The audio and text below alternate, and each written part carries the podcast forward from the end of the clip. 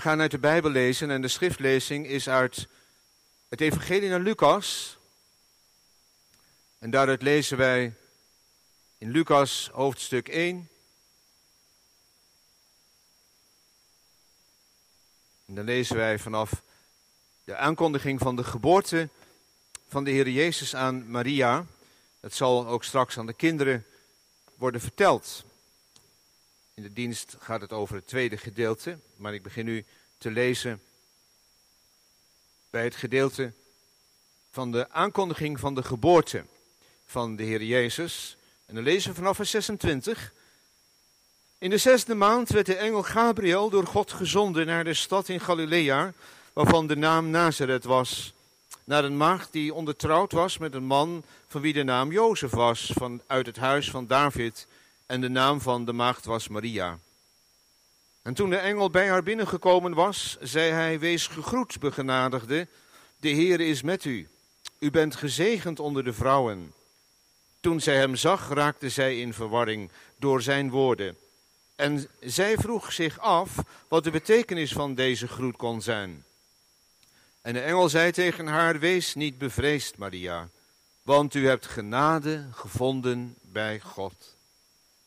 En zie, u zult zwanger worden en een zoon baarden, en u zult hem de naam Jezus geven. En hij zal groot zijn en de zoon van de Allerhoogste genoemd worden. En God de Heere zal hem de troon van zijn vader David geven. En hij zal over het huis van Jacob koning zijn tot in eeuwigheid. En aan zijn koninkrijk zal geen einde komen. Maria zei tegen de engel: Hoe zal dat mogelijk zijn? Aangezien ik geen gemeenschap heb met een man. En de engel antwoordde en zei tegen haar: De Heilige Geest zal over u komen en de kracht van de Allerhoogste zal u overschaduwen. Daarom ook zal het heilige dat uit u geboren zal worden, Gods zoon genoemd worden. En zie, uw nicht Elisabeth is eveneens zwanger van een zoon in haar ouderdom. Dit is de zesde maand voor haar, die onvruchtbaar genoemd werd. Want geen ding zal bij God onmogelijk zijn. Maria zei, zie de dienares van de Heere, laat mij geschieden overeenkomstig uw woord. En de engel ging van haar weg. In die dagen stond Maria op en reisde haastig naar het bergland, naar een stad van Juda. En zij kwam in het huis van Zacharias en groette Elisabeth. En toen Elisabeth de groet van Maria hoorde, gebeurde het dat het kindje opsprong in haar buik. En Elisabeth werd vervuld met de Heilige Geest. En zij riep met een luide stem en zei: Gezegend ben je onder de vrouwen en gezegend is de vrucht van je buik. En waaraan heb ik dit te danken, dat de moeder van mijn heren naar mij toe komt? Want zie, toen het geluid van de groet in mijn oren klonk, sprong het kindje van vreugde op in mijn buik. En zalig is zij die geloofd heeft, want wat haar van de Heere, van de kant van de Heere gezegd is, zal volbracht worden. Tot zover de lezing uit de Heilige Schrift. Zalig die het woord van God hoort, dat gelooft en daaruit leeft. Het tekstgedeelte voor de verkondiging voorafgaand aan de viering van het Heilige Avondmaal is uit Lucas 1 vanaf vers 39 tot 45. Met name deze woorden van waar komt het mij Waaraan heb ik dit te danken dat de moeder van mijn Heere naar mij toekomt? Thema voor de verkondiging is blij met Jezus. Gemeente van onze Heer Jezus Christus, hier, thuis of waar je ook bent of meekijkt, luistert. Een vrouw van naam zou bijna in de vergetelheid geraakt zijn. Elisabeth, Elisheba, in het Hebreeuws, God is mijn eed. Elisabeth, in de Bijbel Een vrouw met vijf sterren op haar naam. Lezen dat in het begin van Lucas. Samen met haar man. Ze waren beide rechtvaardig voor God, dat is er één. Ze wandelde onberispelijk, dat is de tweede ster. Volgens alle geboden, derde en ook het vierde, volgens alle verordeningen van de Heere. En de vijfde ster is dat ze het er nooit over had.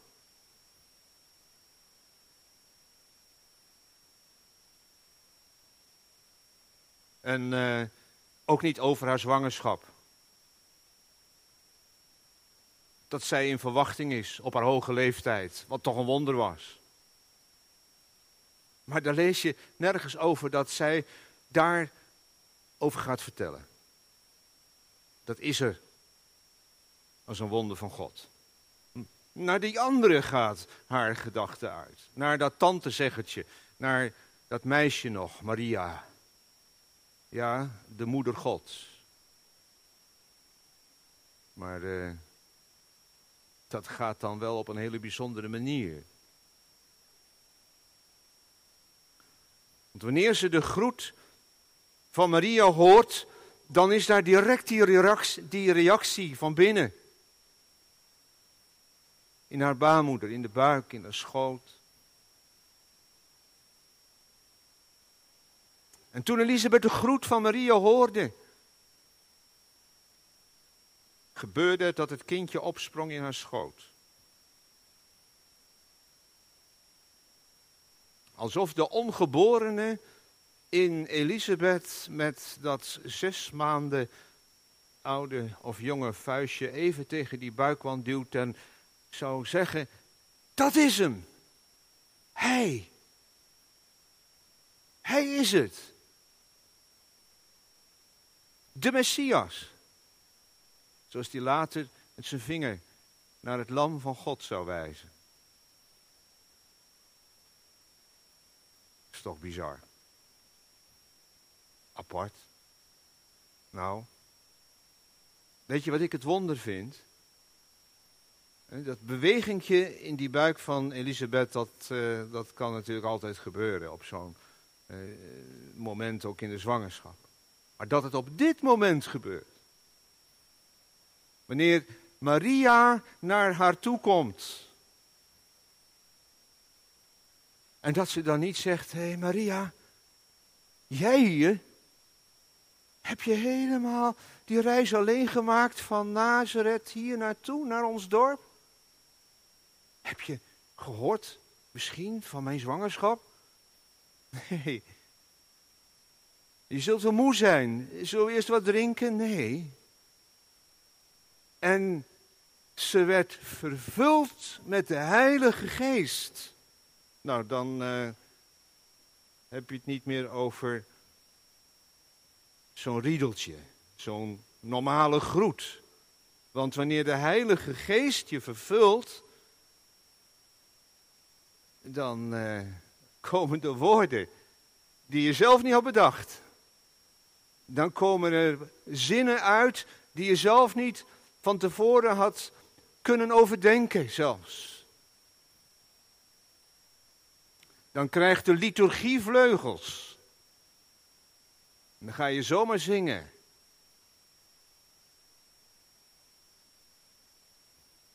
Zingen van God.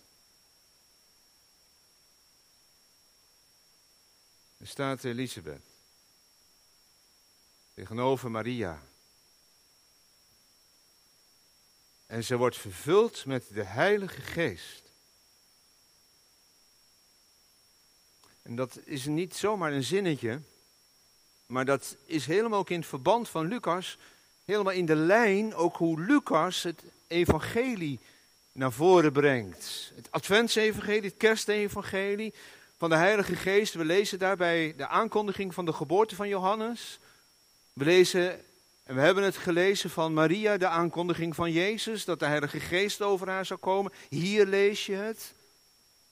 En straks als Zacharias gaat zingen, Zacharia gaat zingen van de eer, de lof van God. En hij werd vervuld met de Heilige Geest. En bij Simeon lees je drie keer Totaal zes keer over de Heilige Geest.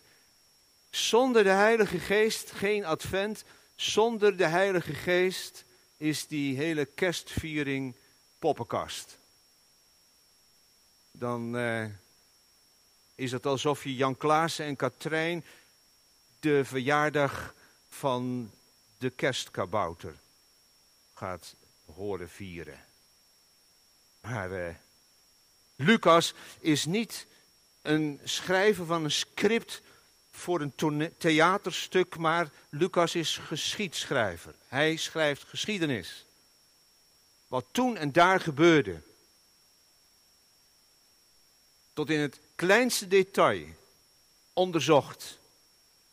In zijn pas verschenen boek Zondagmorgen doet de rooms-katholieke schrijver dichter Willem-Jan Otten verslag van zijn beleving van de zondagmorgens tijdens coronatijd. Nou, we herinneren ons dat allemaal natuurlijk wel, hè? die lege kerk. Wat hij het ergste vond, dat hij de mis moest missen. En dan zat hij thuis, dan ging hij schrijven, mediteren. En zo mediteerde hij ook over dit Bijbelgedeelte in adventstijd. En dan zegt hij, ik citeer, een religie die zo gedetailleerd in één scènetje het moment vangt waarop een jonge vrouw beseft dat ze zwanger is, verdient het om een wereldgodsdienst te worden. Dat vind ik bijzonder. Maar nog veel bijzonderder is wat hier nou echt staat. Dat Maria roept met luide stem, dat de buren het kunnen horen. Gezegend, geprezen bent u. Boven alle vrouwen. En geprezen is de vrucht van uw schoot. In het Ave Maria klinkt dat door. Een mysterie dat in niet-protestantse traditie beter schijnt bewaard. We houden het mysterie. Dit is taal. Dit is een geheim. En we morrelen niet aan dat geheim. Dat in de moederschoot van Maria de Zoon van God, ontvangen is van de Heilige Geest. Ik zei, dan gaat de liturgie als het ware vleugels krijgen. En dan ga je zingen, zomaar zingen.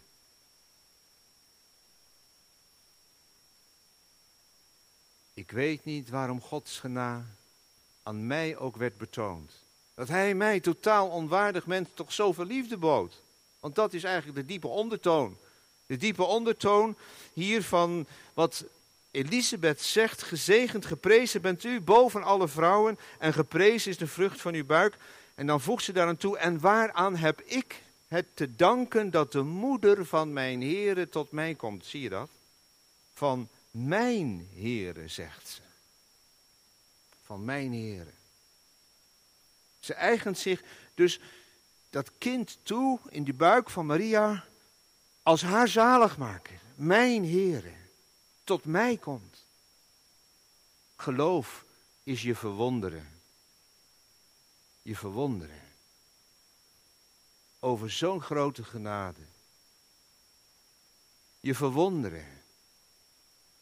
Dat hij tot mij komt.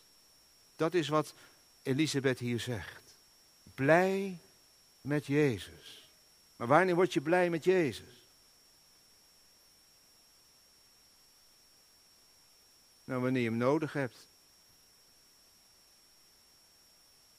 Wanneer is het licht van belang? Wanneer het duister is.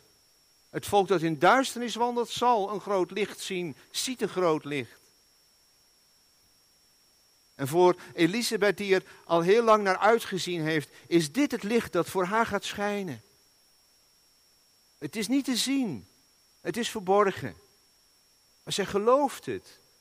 In Maria is haar Heere, haar redder, haar God.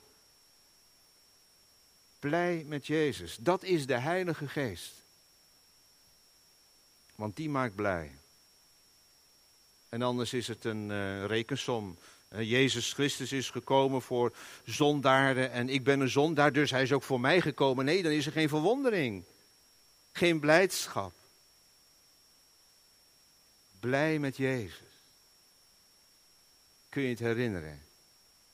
Bij jezelf dat moment. Of misschien dat het langzamerhand open ging, dat gordijn steeds meer verder open ging. Dat je hem zag. Hij voor mij. Hij is hier vanmorgen. Immanuel. Jezus is hier.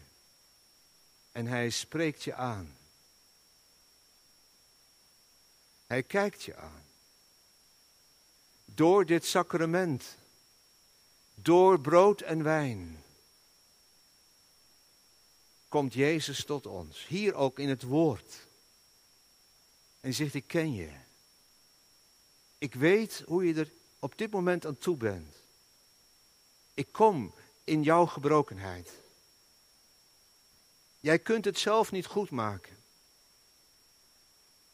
Jij kunt jezelf niet voor mij die persoon maken die ik wil dat je bent.